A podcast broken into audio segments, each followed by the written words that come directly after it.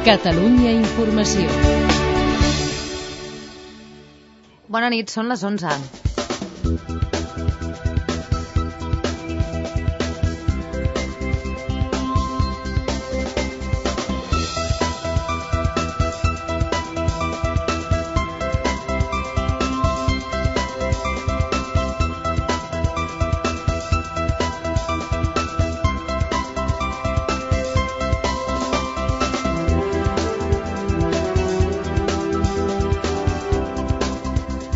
La primera subhasta d'actius de la banca es tanca amb menys de la meitat dels diners que s'oferien adjudicats. El Banc Sabadell i la Caixa són dues de les 28 entitats que hi han participat. Barcelona serà la seu estatal del Consorci Internacional del Genoma del Càncer format per set estats. L'organisme vol identificar els pròxims 5 anys els genomes dels 50 càncers més comuns. A Catalunya s'estudiarà la leucèmia.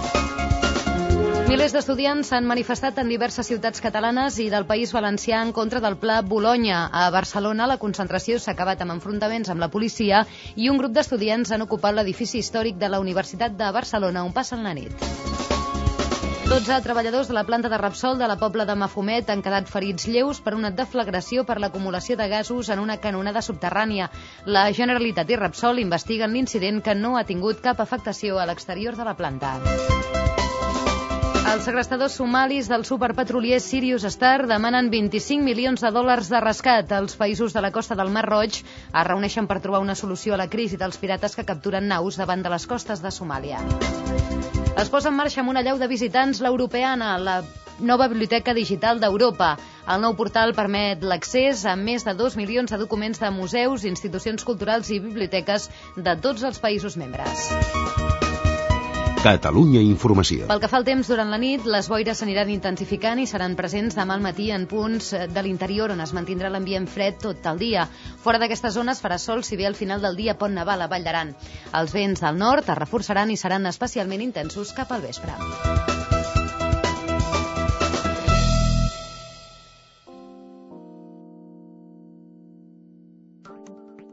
Catalunya nit, amb Lluís Urpí.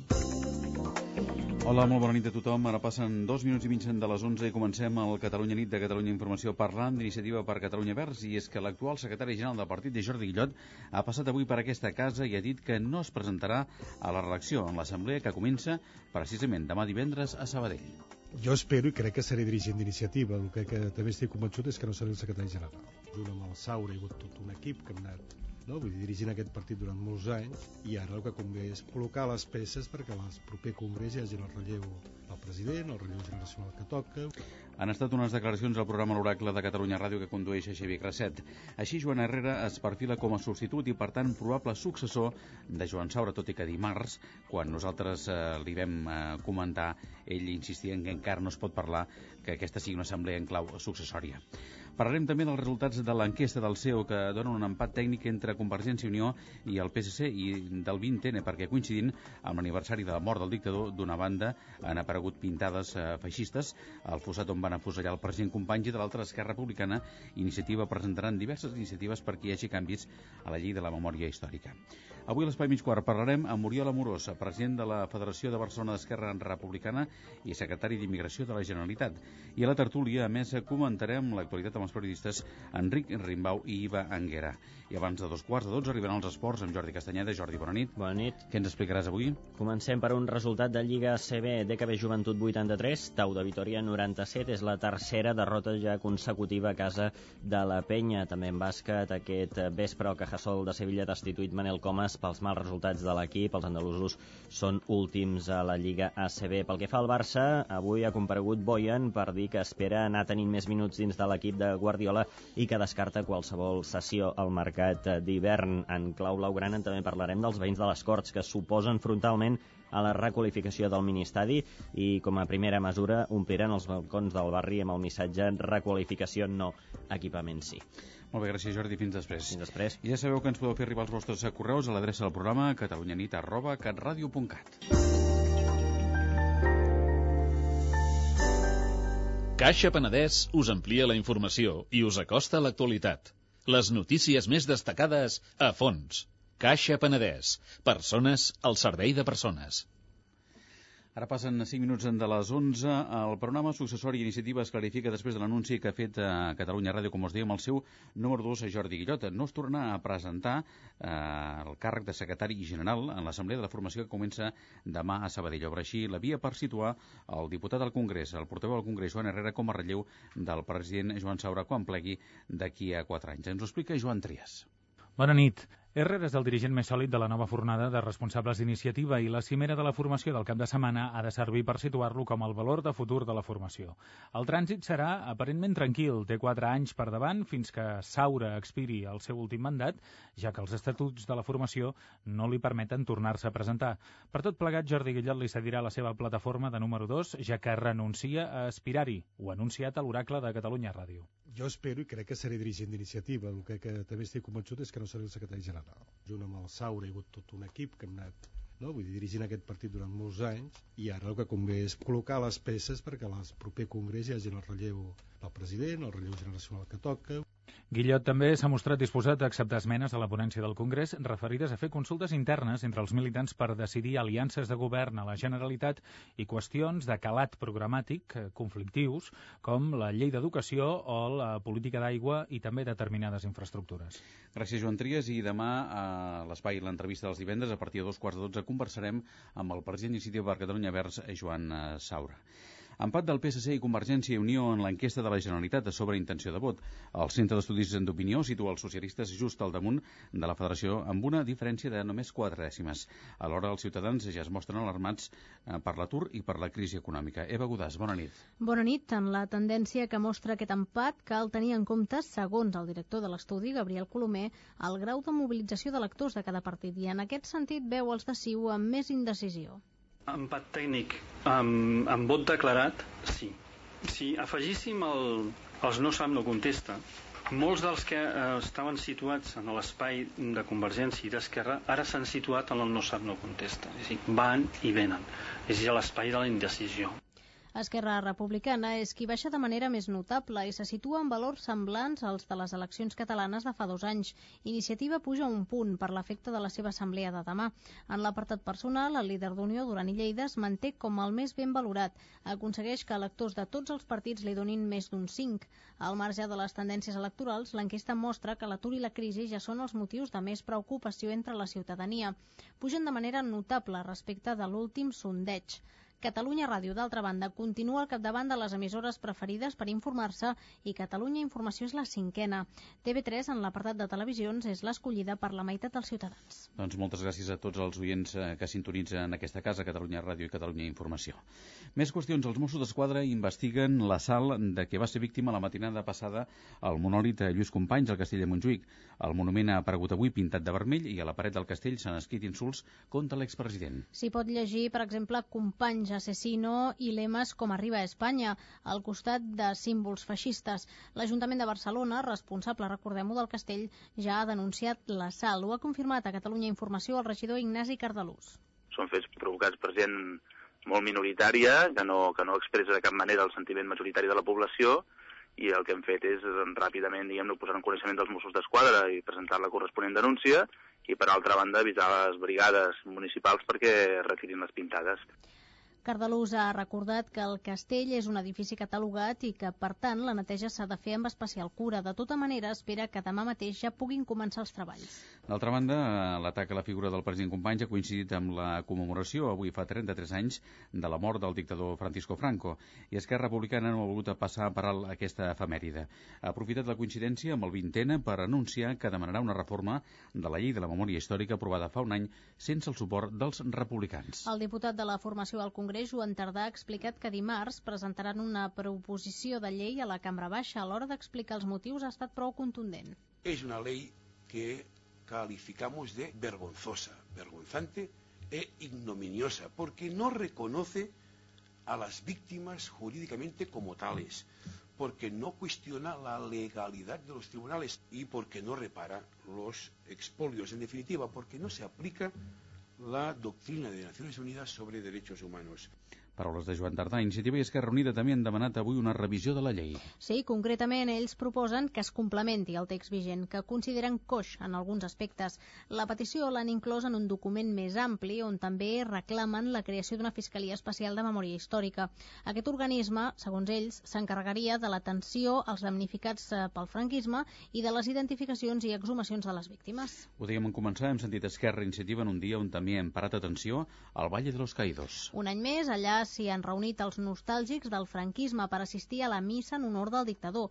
Els assistents han hagut de complir per primera vegada la llei de la memòria que es va aprovar el desembre de l'any passat i la norma no permet que s'exhibeixin als recintes símbols polítics. Segons fons de la Guàrdia Civil, l'acte s'ha fet sense incidents. 5 minuts i arribarem al punt d'un quart de 12. Convergència i Unió, Esquerra Republicana i Iniciativa per Catalunya Verds han acusat el PSC de trencar la unitat pel finançament local. Tres alcaldes, el del Prat de Llobregat, Lluís Tejedor, el d'Iniciativa, el de Sant Cugat del Vallès, el convergent Lluís Recoder i el de Manlleu, el republicà Pere Prat, han comparegut conjuntament per criticar l'actitud dels socialistes catalans. Ens ho explica Joaquim Lledó. Joaquim, bona nit. Hola, bona nit. Els tres alcaldes es queixen que els diputats del PSC al Congrés rebutgessin les esmenes als pressupostos de l'Estat després que l'associació i la Federació de Municipis haguessin pactat una millora del finançament.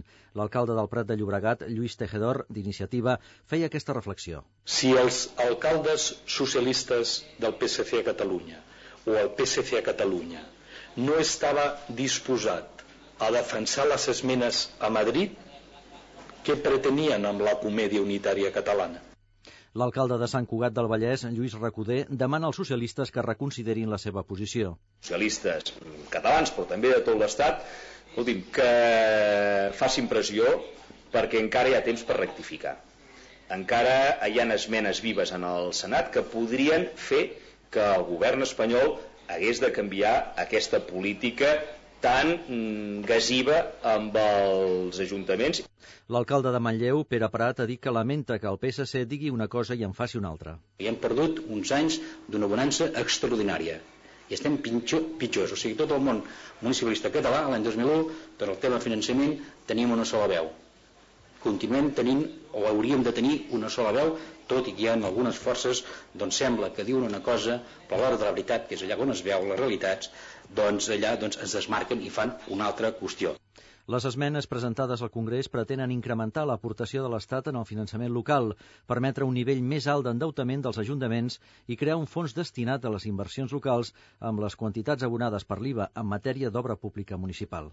Gràcies, Joaquim Lledó. Convergència i Unió avisa al govern que si vol acordar el Pla Nacional d'Infraestructures hi ha d'incloure el transversament del Roine. Ens ho explica Mònica Mas. Convergència i Unió creu que el president Montilla ha escollit la pitjor opció respecte al Roina, que és rebutjar estudiar el transvasament perquè el seu govern diu que està supeditat a iniciativa per Catalunya i a la seva política mediambiental. Per tot plegat, el portaveu de CiU al Parlament, Oriol Pujol, feia aquest advertiment al govern. Advertim en aquest sentit que si el president Montilla continua optant per aquesta solució, el Pacte Nacional d'Infraestructures, que necessàriament a ulls de Convergència i Unió ha d'incloure l'opció del Roina, perilla greument. Avui ha acabat el termini de presentació d'esmenes als pressupostos de la Generalitat. CiU n'ha presentat 1.867 destinades en quatre grans paquets. Mesures per fer front a la crisi, més ajudes a les famílies, més austeritat i estalvi al govern i més reequilibri d'inversions territorials. El PP n'ha presentat 406 esmenes, també orientades a fer front a la crisi i a les famílies i, sobretot, a retallar les partides en publicitat als càrrecs i política exterior de la Generalitat. Ciutadans n'ha presentat 289. Tant CiU com el PP han denunciat la mala gestió del govern tripartit basant-se en les noves dades d'execució del pressupost de la Generalitat a dia 31 d'octubre. Segons aquestes xifres del Departament de Treball, ha executat el 50,3% del total del seu pressupost, el Servei Català d'Ocupació el 40,7% o el Departament d'Obres Públiques i Política Territorial el 56% del total del seu pressupost. Gràcies, Mònica. I encara parlant de la Federació Nacionalista, Artur Mas té la intenció de reunir-se els pròxims dies amb Josep Antoni Duran i Lleida, però de manera discreta. Després de la trobada divendres passat entre Montilla i el líder d'Unió, s'esperava que Mas s'entrevistés ahir amb Duran a Madrid, però finalment no hi va haver reunió. Avui el secretari general de Convergència ha explicat a Reus que les relacions amb Unió són correctes, tot i que amb algunes discrepàncies que no s'han de magnificar. A l'hora de definir el moment d'aquestes relacions, Artur Mas ha estat molt gràfic i ha comparat la convivència entre els dos socis amb la d'una parella. Nosaltres no som una parella perfecta, som una parella però no perfecta. I, i per tant, doncs, bueno, doncs, de tant en tant a les parelles passen coses Ara, una parella de 30 anys d'antiguitat, doncs déu nhi vull dir, no? Molts temps que corren. déu nhi eh? I a més a més jo sempre he defensat que en política, eh, a les cartes és diferent, però en política sempre és millor una parella que un trio. Artur Mas demana que les dues formacions vagin unides per no donar arguments al PSC contra sí. El vicepresident del govern, Josep Lluís Carot Rovira, ha defensat el dret de la Generalitat a tenir política exterior i a obrir delegacions a l'estranger. Crònica d'Ignasi Abat. Ignasi, bona nit. Hola, bona nit. El vicepresident català ha justificat a la Comissió d'Afers Institucionals del Parlament el paper de les delegacions a l'exterior de la Generalitat perquè racionalitzen, ha dit i coordinen totes les actuacions de la cinquantena d'organismes públics que hi ha a l'estranger. Josep Lluís Carot Rovira es defensava així de les crítiques del Partit Popular als pressupostos del seu departament pel 2009. Escoltem primer Daniel Cirera i després Carot. La tasca que vostès diuen que volen fer a través d'aquestes ambaixades es podrien fer perfectament a través d'altres organismes com, com el COP. No? El govern de Catalunya, senyor Sida, no té ambaixades. Té delegacions, que és el que preveu l'Estatut d'Autonomia en vigor. Les té i les hi tindrà, senyor Sirera. Ambaixades són el que tenen els estats. Per exemple, l'estat espanyol, que en té 120 a tot el món. I no entrarà jo a valorar, perquè no seria gens diplomàtic, l'encert o l'eficàcia de totes i cadascuna d'aquestes representacions diplomàtics. En total, la vicepresidència es gastarà 67 milions d'euros en acció exteriors i cooperació el 2009, quasi una quarta per menys aquest any, i obrirà delegacions a l'Argentina i Mèxic. Els menors ingressos tributaris per la crisi, explicat Carot Rovira, també faran que no s'assoleixi l'objectiu de destinar el 0,66% dels ingressos de la Generalitat a cooperació al desenvolupament al 2010, tal com s'havien marcat. Gràcies, Ignasi. A Navarra, la UPN, que governa en minoria, ha aconseguit tirar endavant els pressupostos gràcies a l'acord amb els socialistes. Bilbao, Dani Gómez, bona nit. Bona nit. Les tres formacions que han signat l'acord, UPN, CDN, totes dues integrants del govern navarrès, i el Partit Socialista, destaquen que són uns pressupostos amb un doble objectiu, impulsar les polítiques socials i també fer front a la crisi. El president de Navarra, Miguel Sanz, ha presentat el pacte com un compromís polític i un exemple de responsabilitat. Han huido partidos, el Gobierno y el Partido Socialista de Navarra, de posturas fáciles y poco consecuentes, como son la presentación de enmiendas a la totalidad, y han optado por arrimar el hombro para hacer frente a la situación que en estos momentos nos acecha. El líder dels socialistes navarresos, Roberto Jiménez, ha justificat l'acord perquè entén que és el moment de sumar. Es más difícil acordar que no acordar. Acordar supone amor a esta tierra, a sus ciudadanos. Acordar supone diálogo. No se crean que esto es sencillo. Pero nuestra obligación como políticos en esta comunidad es sacar esto adelante. Els pressupostos de la comunitat foral per l'any que ve superen els 4.000 milions d'euros. Nafarro Avall ha criticat el pacte, considera que els socialistes han deixat de ser una força de l'oposició a Navarra.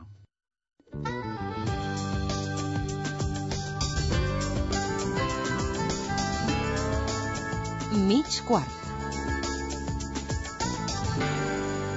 Ara passen pràcticament 3 minuts d'un quart de 12. Avui als nostres estudis ens acompanya el president de la Federació de Barcelona d'Esquerra Republicana i secretari d'Immigració de la Generalitat, Oriol Amorós. Senyor Amorós, bona nit i benvingut. Bona nit. Bé, d'entrada, què en pensa els resultats, eh, ara ho comentàvem a l'informatiu, eh, de l'enquesta del CEO? Doncs home, aquests resultats no són bons per Esquerra, però com totes les enquestes doncs s'han d'agafar amb prudència i de la mateixa manera que quan són molt bons doncs les agafem amb prudència, quan no ho són tant també i a més a més avui mm, per, per contextualitzar una mica la notícia també no, apareix una altra enquesta en un gran diari de, de Barcelona on el resultat és bastant diferent no? i on es dona un manteniment eh, clar del, dels resultats d'Esquerra de les últimes eleccions el qual doncs, és un resultat que hauríem de valorar més, més positivament que no pas el de l'enquesta del seu. O sigui, el mateix dia tenim sobre el mateix tema dos resultats molt diferents. No? Podria dir que un és el que m'interessa i és el bo i l'altre no, però evidentment això no ho direm. I si, aquest, si agaféssim aquests que no són tan bons, per què pensa que no són tan bons per Esquerra? L'enquesta bona són les eleccions, no? I per tant, eh, podria valorar el que no és tan bo i valorar el que, està, el que és més bo, no? Eh, sí que és evident doncs, que Esquerra ha tingut un relleu en el lideratge del partit de, de la presidència uh mhm. -huh. i per tant això ha estat un, un procés que ha tingut una projecció exterior important i que a qualsevol el debat intern que hi ha en els partits quan es projecta cap en fora no sempre és ben rebut per l'electorat, tot i que jo crec que també en el nostre cas la ciutadania sap valorar que Esquerra és un partit democràtic, que pren les decisions democràticament, que escull els seus dirigents a les urnes i que pren les seves decisions a les urnes i que aquest és un, un camí que hem obert nosaltres, que en el futur seguirà tothom, però que és veritat que obrir aquest camí a vegades té costos perquè projectes cap en fora doncs una imatge eh, per una banda democràtica i participativa, per una altra també de conflicte. Parlant d'aquesta imatge, mm, vostè pensa que Esquerra Republicana ha sortit enfortida mm, dels congressos regionals o que es manté aquesta imatge que hi va haver abans del Congrés Nacional de Divisió? No, jo crec que surt enfortida. Uh, ja que m'ho posa en safata, doncs li diré que en el cas de Barcelona singularment Uh, vostè ha estat reelegit, no? Evidentment, aquesta és una opinió interessada, no li amago, però uh, sí que és veritat que, que mm, dic en el cas de Barcelona singularment, perquè hem tingut un procés molt participat, on, on el 60 llarg per cent de la militància ha exercit el seu dret a vot amb una urna, com es fan les, les coses doncs, democràticament, i al final surt una executiva en el qual tots els presidents regionals són presidents escollits democràticament i que per tant tenen una gran legitimitat en la seva feina i entre els quals hi ha moltes més coses que els uneixen que no petits detalls que els puguin separar. Per tant, crec que ha estat un procés molt, molt clar, molt net i que ens reforça com a partit, segur que sí. Escolti, parlant de la ciutat de Barcelona, està absolutament descartat que Esquerra Republicana torni a formar part del govern de la ciutat en aquesta legislatura? En aquesta legislatura sí. Mm -hmm. Sí, sí, sí, totalment.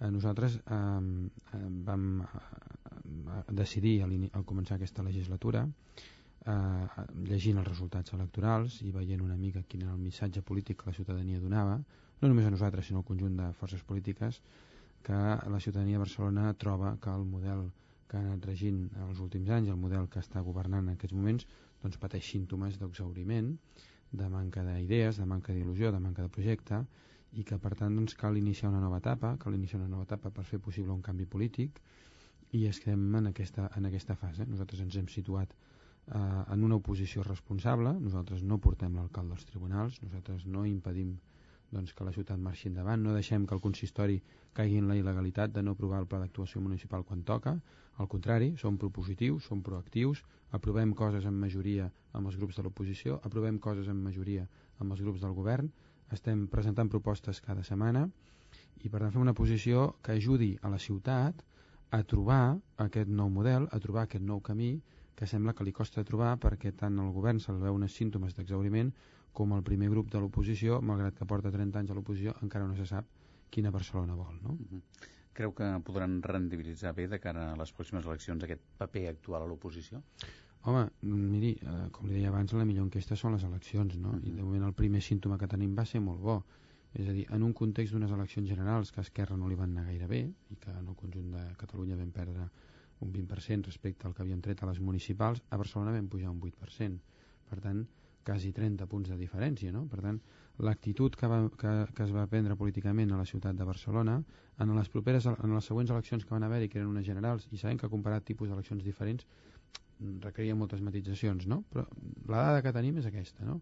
Entenem que la gent va veure positivament que Esquerra digués, mira, aquesta legislatura nosaltres no impedirem que la ciutat es governi, al contrari, serem constructius, serem positius, però ho farem des d'un marge de maniobra ampli, des de les mans lliures, des d'una posició que ens permeti dibuixar un nou model de ciutat perquè creiem que el que, el que s'ha vingut gestionant fins ara està exaurit i que cal dibuixar-ne un de nou.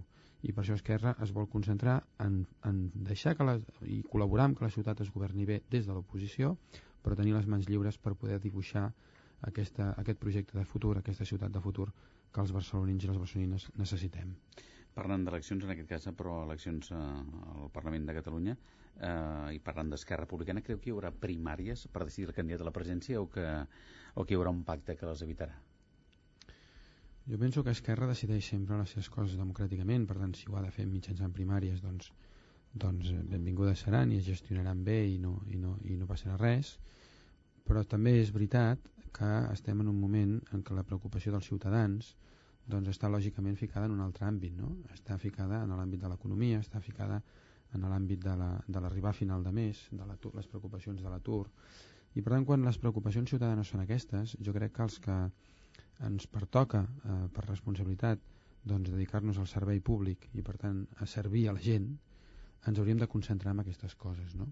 per tant tenir ara una despesa energètica en debats interns de partit em sembla una energia mal direccionada em sembla que ara mateix qualsevol que es dediqui a la política qualsevol que es dediqui al servei públic totes les energies les ha de dirigir a solucionar els problemes de la gent i per tant seria molt bo que hi hagués un acord que impedís doncs, que Esquerra fos notícia pel seu debat intern i que facilités que Esquerra i el conjunt de partits fossin notícia per les bones propostes que són capaços de presentar als ciutadans. De tota manera, el, un tema de primàries no podria ser negatiu per la cohesió del partit. Hi ha hagut algun dirigent, com per exemple el president del Parlament, el senyor Ernest Benet, que públicament ha dit que això seria molt negatiu. No, no, és el que li deia. Jo crec que ara eh, els esforços i les energies les hem de dedicar a governar bé, allà on governem, o a fer una bona oposició constructiva allà on estiguem l'oposició. I això és el que hem de fer. Ens hem de dedicar i concentrar, sobretot, a servir els ciutadans, a presentar projectes als ciutadans, a presentar propostes als ciutadans i a mirar de, qui, de quina manera ens en sortim d'aquesta, perquè no és fàcil, perquè evidentment hi ha incerteses en el futur, hi ha preocupació a les famílies, hi ha preocupació a les empreses i això és on ens hem de concentrar. No crec que sigui el moment de perdre gaires energies en debats interns de partit. Canviem ara radicalment d'àmbit informatiu i de qüestió. En quin punt es troba el Pacte Nacional per la Immigració? Doncs en un bon punt està, està, està el xup-xup. Si, el xup-xup. si em permet el símil el símil eh, culinari que aquestes, aquestes hores de la nit, encara que sigui una emissora tan formal i seriosa com Catalunya Informació, ens podem permetre sí, sí, cap problema. una mica de, de, de, de, de, de broma, no? Sí, ara mateix doncs, estem en una fase final de, de negociació sobretot a la taula dels partits polítics, per tant em mantindré reservat sobre el contingut d'aquesta negociació perquè vull que surti bé i crec que sortirà bé, eh, però és una situació que ve després d'un ampli procés participatiu perquè creiem que el Pacte Nacional per la Immigració no és un tràmit burocràtic a complir, sinó que és un procés en el qual Catalunya ha de prendre consciència de quina és la gran transformació social que ha viscut, de com l'ha d'encarar, quin futur ha de dibuixar i com arribem en aquest futur. Per tant, calia que tots ens hi poséssim d'acord. Agents socials, eh, sindicats, agents econòmics, ajuntaments, tècnics municipals, tècnics de les entitats, molt important, aquest és un fenomen que s'ha gestionat des de la pluralitat d'institucions, des dels ajuntaments, des de les entitats, conjuntament amb la Generalitat. I per això hem fet un procés participatiu molt llarg, que ha arribat a posar d'acord gent molt diversa, un procés en el qual han participat més de 1.500 persones, que quasi bé tots els tècnics municipals de Catalunya que treballen en immigració hi han dit alguna cosa, quasi bé tots els tècnics d'entitats que treballen en immigració hi han dit alguna cosa, entitats d'immigrants hi han parlat, agents econòmics. Per tant, crec que hem fet un procés d'entendre de, el que ens ha passat com a país, que ens ajudarà molt de cara a encarar el futur. Per tant, jo crec que abans de final d'any tindrem pacte i que el contingut d'aquest pacte serà molt important i molt rellevant per encarar bé un dels primers reptes que té el país. Molt bé, senyor Amorós, no l'acomiado perquè continuarà després a nosaltres la tertúlia. Fins ara Moltes mateix. gràcies.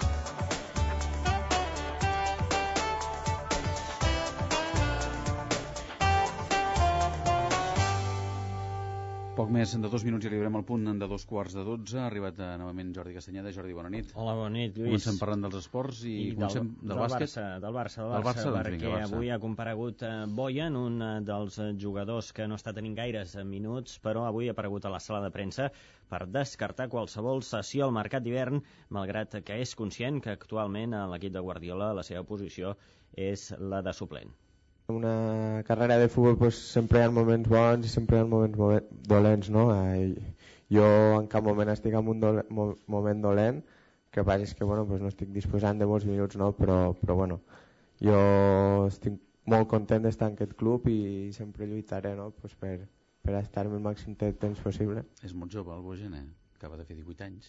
Molt jove, sí. Si el respecten les lesions pot jugar fins als 32 o 33 anys. Té un, té un llarg recorregut. Això vol dir que és Boyan. intel·ligent. On ha, on ha d'anar? Si no, clar, eh? De moment no es posa, no es posa nerviós. A, Exacte. a més, el, el Barça, dèiem, aquest divendres tornen Alves i Márquez, que van jugar amb Brasil i Mèxic, i eh, alguns reconeixements que han arribat, eh, també a banda dels que ja ha aconseguit el protagonista del tall, eh, Boyan, avui han estat reconeixements per Puyol, per Messi i per Xavi.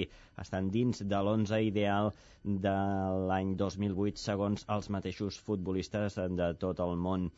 Encara en clau blaugrana, a prop del camp del Barça, els veïns de les Corts s'han reunit aquest dijous per reformar l'oposició a la requalificació del ministeri. Alfonso Huéscar és el portaveu veïnal. El trato del Barça con los vecinos de las COR mm, nos, nos, engañan. Ellos quieren hacer un estadio bonito, quieren pasar la historia, supongo que el señor Laporta quiere pasar la historia como el, que, el impulsor del, del gran estadio. No- Nos, nos están engañando. El señor Laporta nos está engañando y el señor Franquesa nos está engañando y el ayuntamiento nos está engañando. I ara, ara sí, Lluís, anem cap al bàsquet perquè avui el DKB Joventut no ha pogut contra el Tau de Vitoria, ha perdut 83 a 97, és la tercera derrota consecutiva a casa de la Penya. Cito Alonso és l'entrenador del DKB. Está claro que es bastante difícil competir con un Tao con esta dinámica eh, que tienen ahora. Entonces yo creo que durante muchos momentos, como he dicho antes, hemos intentado hacer cosas importantes dentro del mismo, pero en momentos claves pues siempre había un jugador del Tao, del Tao pues preparado para dar la puntilla. Hablo de Prigioni, hablo de Teletovic y hablo de fallos que han sido reboteados todo el rato por diferentes jugadores del, del Tau. També en bàsquet, el Cajasol de Sevilla ha combinat aquest vespre Manel Comas pels mals resultats de l'equip que actualment és cué de la CB. A l'Espanyol, el defensa blanc-i-blau Sergio Sánchez ha parlat avui en nom del vestidor per dir que els jugadors n'estan bastant farts del pessimisme que hi ha a l'ambient. El equipo no las ve como la, las ve el exterior, simplemente que el equipo va para camino segunda, que el equipo no juega bien, que el equipo ta ta ta ta. Creo que esto no es así, creo que hemos tenido muchas ocasiones de gol, ellos prácticamente llegaron cuatro veces, cuatro goles, así que bueno, creo que se ha sacado todo un poco de contexto, ¿no? Eh, el equipo sabe que está trabajando bien, lo voy a reafirmar, eh, estamos con la misma gana, la misma ilusión y yo creo que haciendo el mismo trabajo que se está haciendo hasta ahora se van a conseguir victorias y, y, y vamos a seguir puntuando.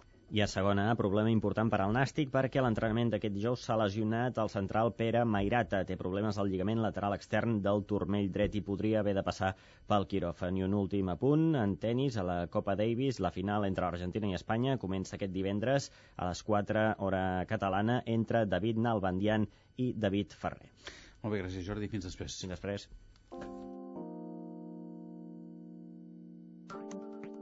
Catalunya nit amb Lluís Urpí. Ara passen pràcticament dos minuts de dos quarts de dotze, és el moment de repassar algunes de les principals notícies d'aquest dijous 20 de novembre. Ho fem tot seguit amb la Victòria Vilaplana. Victòria, bona nit, quan Hola, vulguis. bona nit, Lluís. Doncs comencem destacant el que ja s'ha dit de moment en aquest eh, bloc informatiu i és, hem parlat de Jordi Guillot, que ha anunciat aquesta casa que deixarà la Secretaria General d'Iniciativa després de l'assemblea d'aquest cap de setmana i obre així la porta perquè Joan Herrera sigui designat el número 2 de la formació ecosocialista. Hem parlat també del baròmetre del Centre d'Opinió, empat tècnic entre el PSC i Convergència, segons aquest últim enquesta, que constata també l'alarma entre la població per l'augment de l'atur a causa de la crisi. Pel que fa a altres notícies, eh, hem destacat també que Zapatero obre la porta de Repsol a la russa Lukoil, que vol comprar el 30% de les accions de la petroliera espanyola que tenen la constructora Sacyr i la Caixa, que Barcelona serà la seu a Espanya també del Laboratori Internacional del Genoma del Càncer, en què participen set estats, un organisme que vol identificar els pròxims 5 anys el genoma dels 50 càncers més comuns. Catalunya se n'ocuparà i estudiarà la leucèmia. La primera subhasta d'actius de la banca es queda també mig deserta i es tanca amb menys de la meitat dels diners que s'oferien adjudicats. El Banc Sabadell i la Caixa són dues de les 28 entitats que hi han participat. Acabem amb el temps. Durant la nit les boires s'aniran espessint i seran presents demà al matí en molts punts de l'interior on es mantindrà l'ambient fred tot el dia. Fora d'aquestes zones farà sol, si bé al final del dia pot nevar a la Vall d'Aran. Els vents del nord es reforçaran i seran especialment intensos cap al vespre.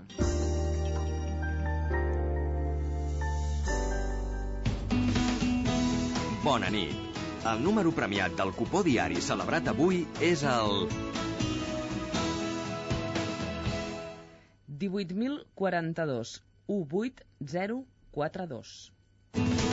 Demà, com cada dia, hi haurà un venedor molt a prop teu que reparteix il·lusió. Bona nit i recorda que amb el sorteig de l'11 la il·lusió es compleix. Assistència mèdica en centres mèdics concertats.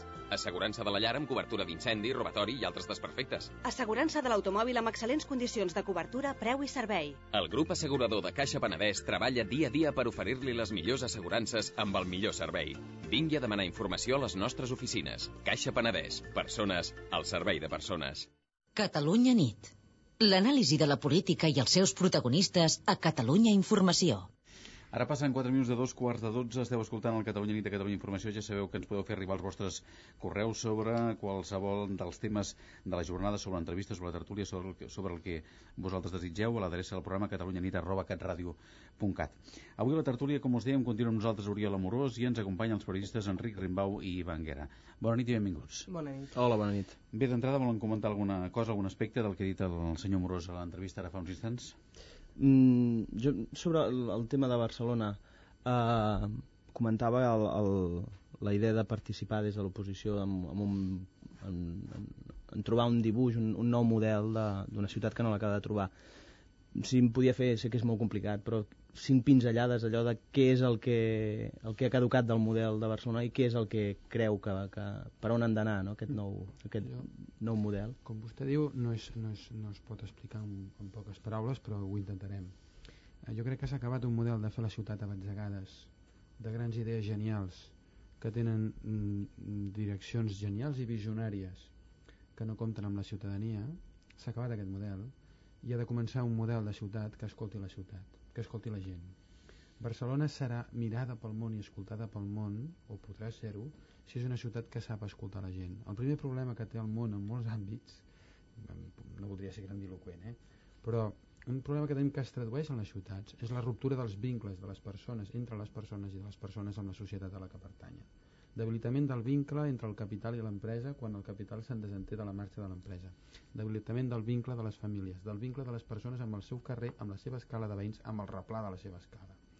I el reforç del vincle, el reforç de la construcció del paper de la persona com a agent actiu en el dibuix de la ciutat, aquesta vinculació nova de la ciutadania en els projectes de la ciutat és el que ha de caracteritzar el model de, de futur. Per això ens hem posat tan pesats amb el tema de que la gent decideixi com vol que sigui la Diagonal.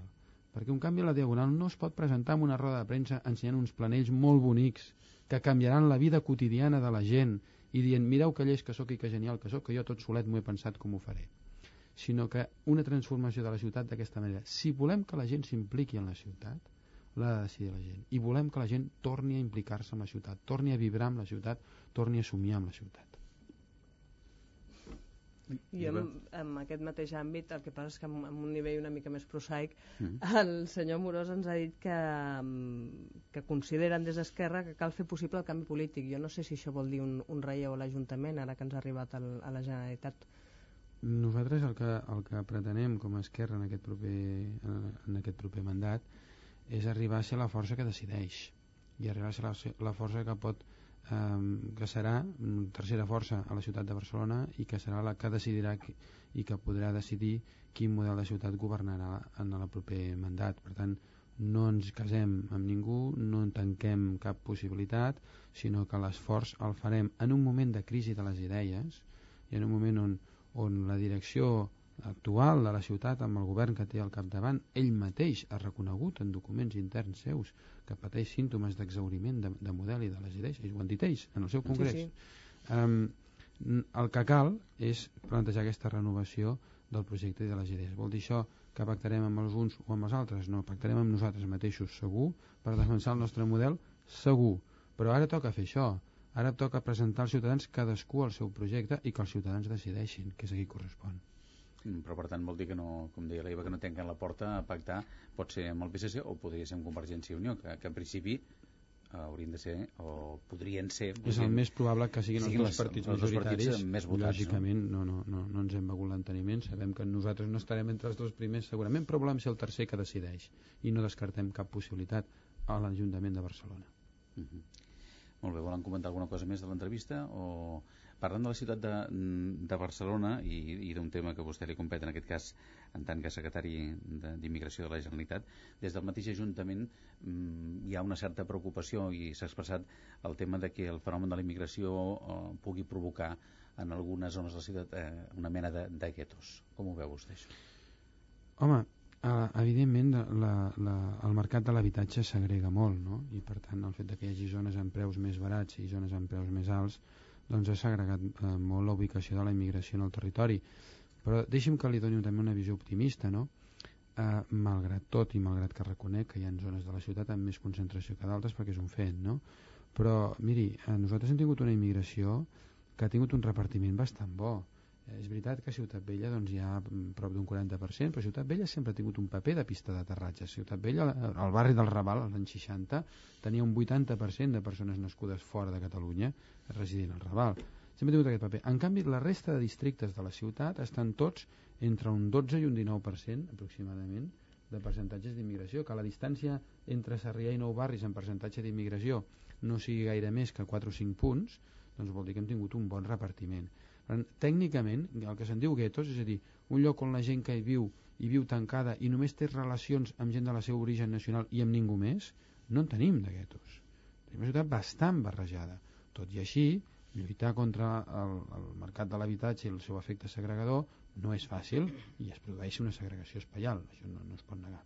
De, de tota manera, um, en una situació com l'actual, no? d'un procés de crisi que, que les enquestes cada cop reconeixen més que és una preocupació, um, la preocupació principal de, de la majoria de la uh mhm. -huh. ciutadania, en, en el cas concret de Catalunya, amb, amb un sistema de finançament que, que escanya les possibilitats de les administracions, autonòmiques i locals uh -huh. de, de poder fer de desenvolupar les seves polítiques.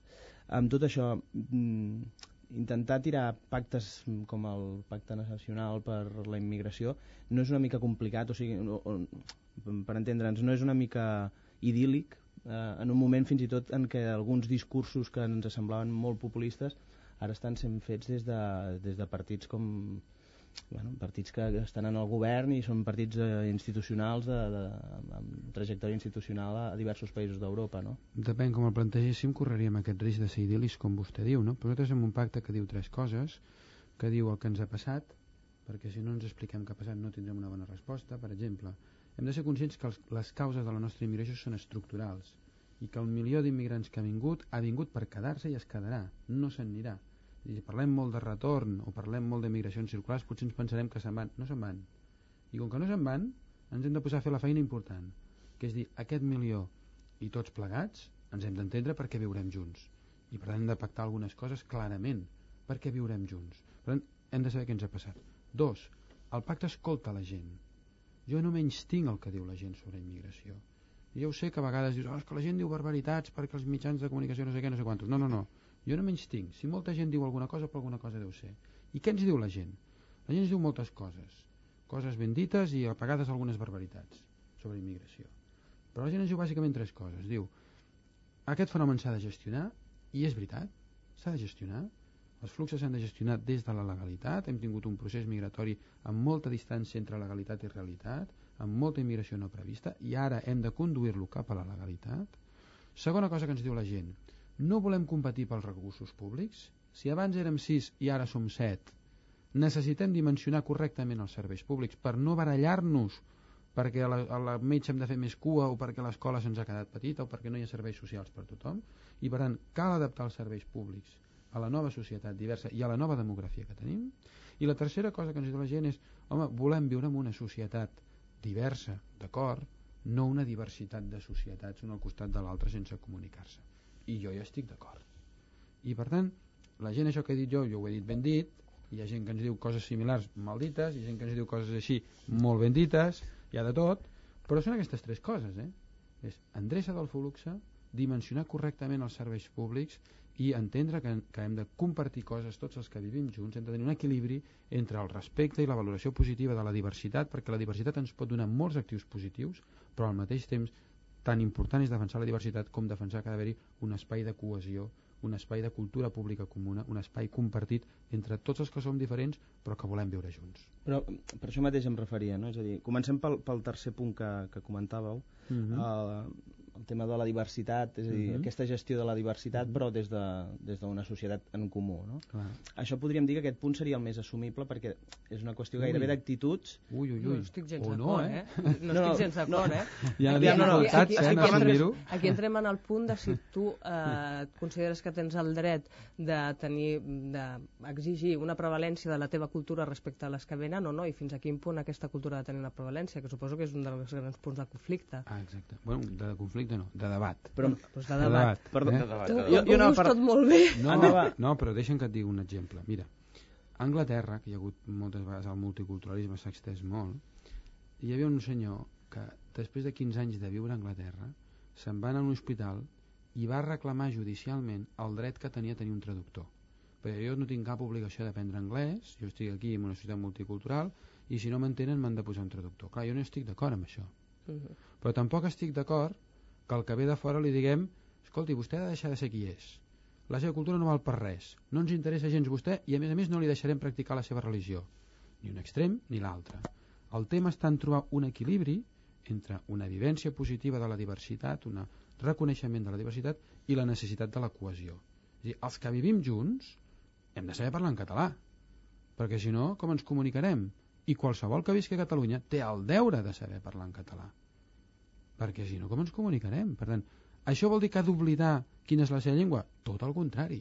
El govern de Catalunya impulsa que hi hagi nens que estudien a Masic o Quicho o Aymara o àrab en horaris preescolar a les seves escoles i ens sembla molt positiu. I ens sembla molt positiu que hi hagi 50.000 catalans que saben parlar xinès no perquè el govern de Catalunya els els hagi ensenyat, sinó perquè són fills de xinesos i per tant saben parlar xinès.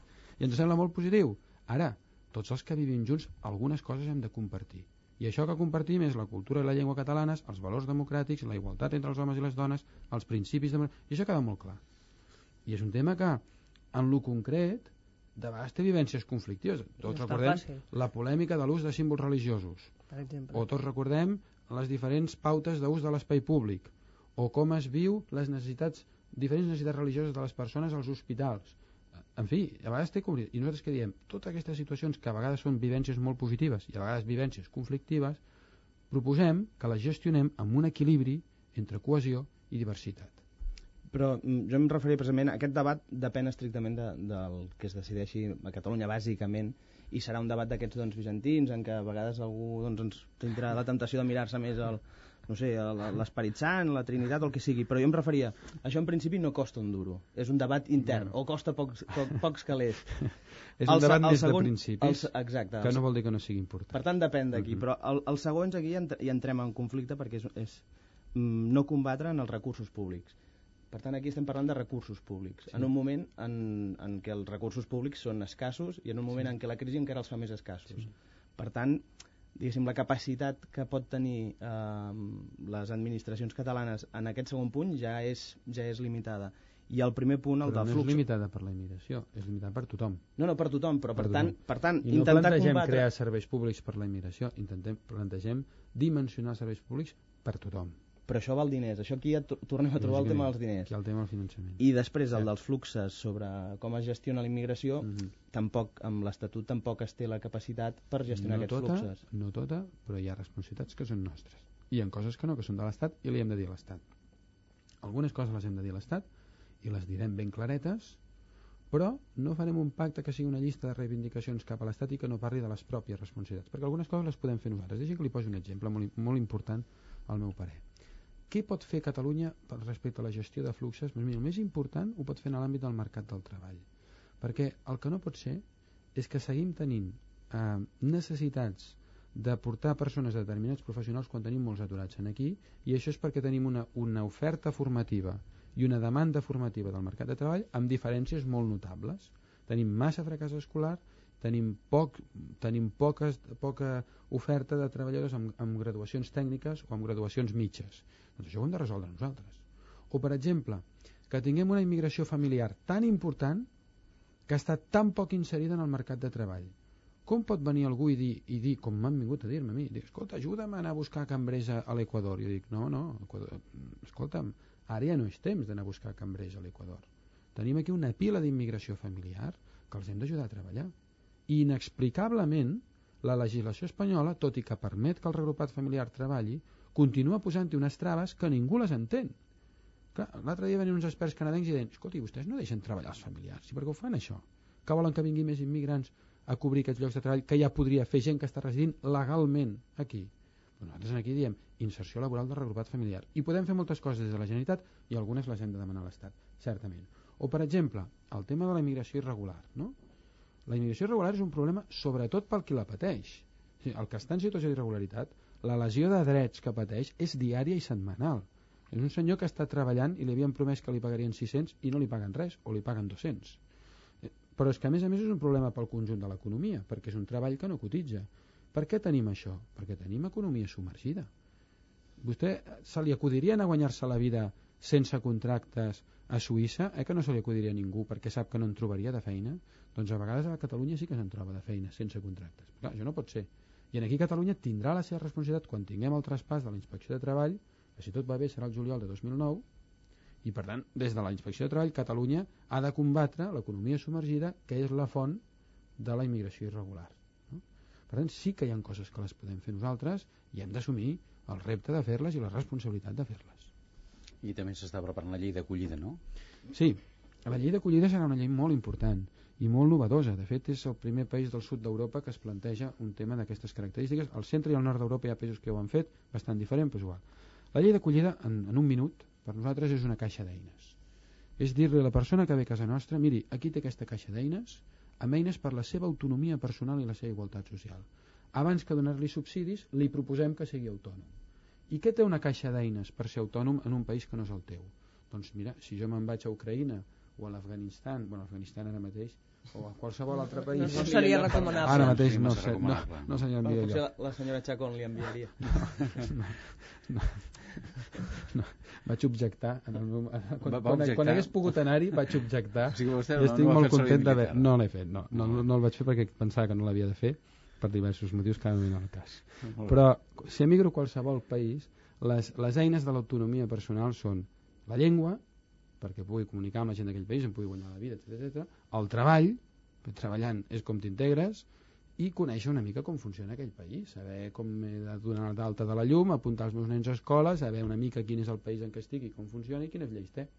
Per tant, Una mica un full de ruta, diguéssim, Coneixement de la societat, llengua i treball són les tres eines d'autonomia i són les tres eines que fiquem a la caixa d'eines que li direm llei d'acollida. I tothom que vingui a Catalunya tindrà 135 hores de català, un, un curs, si li fa falta, si té feina no, no, no cal, però un curs per la inserció laboral, una entrevista de dues hores en una oficina de treball de la Generalitat que li faran un itinerari personalitzat d'inserció i direm, mira, vostè per trobar feina ha de fer això, això, això i això i uns cursos també en, en partits pels ajuntaments per conèixer en quin municipi han aterrat, com funcionen les coses en aquell municipi, com, què és Catalunya, etc etc. Eines per l'autonomia personal. Això és la llei d'acollida. Molt bé. A veure, jo, mm, tot i que em sembla fantàstic donar eines a, a la, als nouvinguts a Catalunya, jo no sé si estem en disposició de crear noves obligacions pel govern en un moment en què lleis com la llei de dependència no es, no es poden assolir o no es poden desenvolupar per falta de recursos perquè les eines i, les, i aquestes lleis l'aplicació sempre, al final sempre es tradueix en recursos Sí, però és una inversió. És una inversió que té, que té retorn. jo, jo, els jo, no, jo no discuteixo que s'ha- que s'hagi de fer jo dic que és, em pregunto si és el moment Els països anglosaxons més. amb tradició de migració, que són països molt pràctics i que tot ho estudien i ho parametritzen, tenen estudis que els diuen que, per exemple, amb, amb Nova Zelanda, Austràlia, eh, Canadà, Estats Units i Gran Bretanya, fent la mitja, un immigrant que coneix l'anglès cobra un, un, aproximadament entre un 50 i un 60% més que un immigrant que no coneix l'anglès. Per diversos motius, però és això, també fa un altre tipus de feines. Eh? Per tant, és una, és una llei que dius, escolta, guanyem en cohesió social, però guanyem econòmicament perquè aquesta gent farà feines més ben fetes, més, més bones, tenen millor incertabilitat laboral. Segona qüestió, si la immigració familiar, que és la majoritària que tenim a Catalunya des de l'any 2007, on la immigració familiar passa davant de la laboral, no la laboralitzem, bueno, tindrem famílies aquí més febles, perquè només tindran un salari. Quan aquest salari caigui, aquella família serà demandant de serveis socials. Per tant, jo vull famílies que tinguin dos salaris i tres salaris. I famílies que, al treballar tots, ocupen uns llocs de treball que no caldrà portar més immigració per cobrir-los. Per tant, laboralitzar la immigració familiar és un interès propi del conjunt de la, de la societat catalana, no només de les famílies immigrades, que per descomptat seran les primeres beneficiàries d'això, sinó que això va en benefici seu i en benefici de tots. Per tant, és una llei que té retorn, que és una inversió, una inversió que té retorn pel conjunt de la ciutadania. Molt bé, estem fent tertúlia, estem ja a la recta final del tertúlia, amb Oriol Amorós, Enric Rimbau i Banguera. És el moment de repassar els titulars dels diaris de demà divendres. Amb Victòria Vilaplana. Victòria, en tenim alguna sorpresa? Doncs sí, avui sí tenim alguna sorpresa, tot i que jo us avanço que el titular majoritari és el fet de que Zapatero, a més, és que l'utilitzen gairebé tots igual, eh? obri les portes de Repsol a la russa Lukoil. Però volem començar amb el diari Avui, treu una exclusiva, diu que hi ha sexe express, així el bateja, al carrer Patritxol, textualment diu prostitució, joves nigerianes duen els seus clients als portals o al mateix carrer i diu que aquests fets ja han estat denunciats, que els veïns es queixen de la manca de vigilància a tot el barri gòtic. Il·lustren la notícia de portada amb una fotografia on eh, es veu com una prostituta practica el sexe amb un client al carrer de Patritxol. És una foto d'ahir a la matinada, per tant, si això es publica eh, Demà. demà se suposa que va ser De dimecres. de no? dimecres, exacte. Doncs eh, aquesta és la notícia que treuen en portada. Banda titula que Zapatero obre les portes de Repsol a la russa Lukoil. En crònica política destaca el pla d'Artur Mas per optar a presidir la Generalitat. Diu veu de les fonts pujulianes i emula la campanya de Barack Obama amb el nou eslògan Si sumem, podem. L'altre titular que destaquen és que les botigues de roba usada tenen cada dia més clients. Anem per altres eh, diaris. Eh, la Vanguardia, per exemple, diu que Zapatero obre la porta de Repsol a la russa Lukoil que el govern central farà servir el dèficit per pactar el finançament i que Catalunya seu del Laboratori Espanyol del Genoma del Càncer. El diari El País en primera instància titula que la primera subhasta en ajut de la banca es queda semideserta i que el govern entreobre la porta de Repsol als russos de Lukoil. A les planes de Catalunya, centenars d'estudiants universitaris es tanquen a la Universitat de Barcelona contra Bologna, per cert, encara alguns continuen tancats hores d'ara. Uh -huh. Al punt, a la seva edició de Barcelona, els veïns de les Corts fan pinya contra la requalificació dels terrenys del Barça. Els contraris a Bologna salten al rectorat de la Universitat de Barcelona i el diari entrevista Joan Herrera que declara tindré un paper important en el futur immediat d'iniciativa, però vull seguir de diputat. Per tant, va en la línia, evidentment... El que ha dit avui Guillot d'aquesta casa... Exacte. Mm.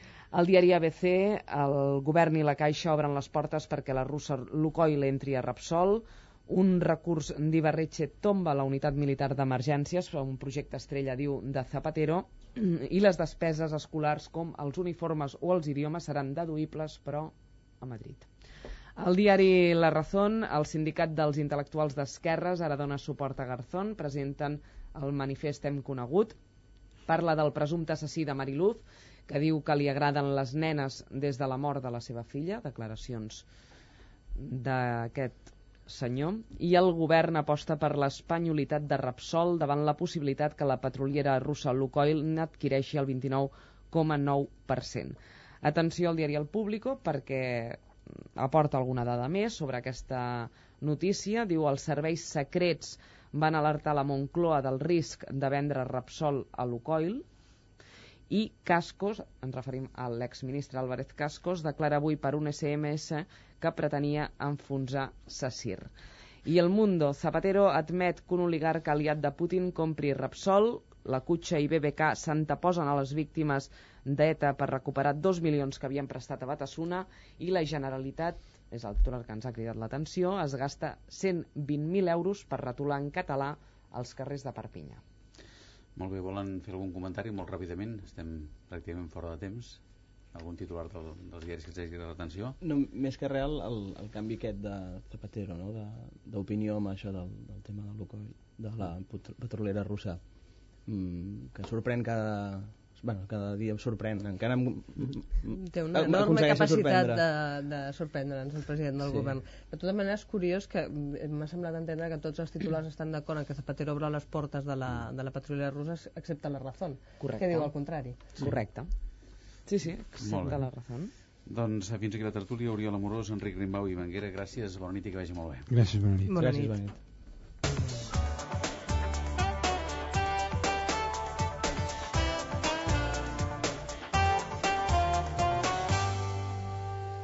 I ara és el moment dels esports amb Jordi Castanyeda. Jordi, bona nit de nou. Bona nit, Lluís. Algun resultat i reflexió? Doncs el resultat que sabíem de bàsquet, el DKB Joventut ha perdut, és la tercera derrota consecutiva a casa de la Penya, ho ha fet contra el Tau de Vitoria 83 a 97. També en bàsquet, el Cajasol Sevilla ha destituït Manel Comas i en futbol us apuntem que Boyan, el jugador del Barça, diu que espera anar tenint més minuts a l'equip de Guardiola i que per tant descarta qualsevol sessió. I avui la reflexió ens porta cap a la Secretaria General de l'Esport de la Generalitat que ha fet públic que incrementen 100.000 euros les ajudes que es repartiran 53 clubs diferents del país.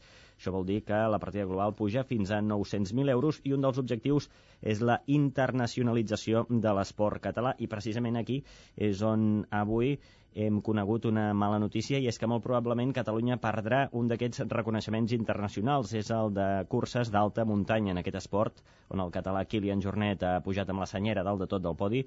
Doncs ara s'ha organitzat una federació internacional nova que no accepta representació catalana, sí que, sinó que només vol l'espanyol, o sigui que sembla ser que Kilian Jornet a partir d'ara haurà de competir amb la selecció espanyola. Molt bé, gràcies, Jordi. Bona nit i fins demà. Fins demà. I demà parlarem amb el president d'Iniciativa per Catalunya Verds, Joan Saura. Fins aquí el Catalunya nit d'avui, que han fet possible Eva Godàs, Victòria Vilaplana, Jordi Castanyeda, Marta Jerez, Júlia Aparicio, la secció de política dels serveis, dels serveis informatius de Catalunya Ràdio i qui us parla, Lluís Urbí. Fins demà divendres, gràcies per la vostra atenció, bona nit i molta sort.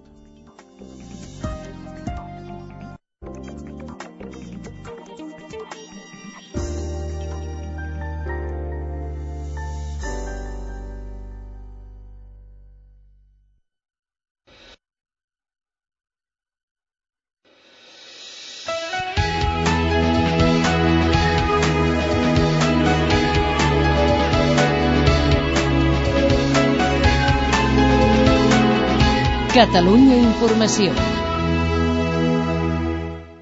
Són les 12.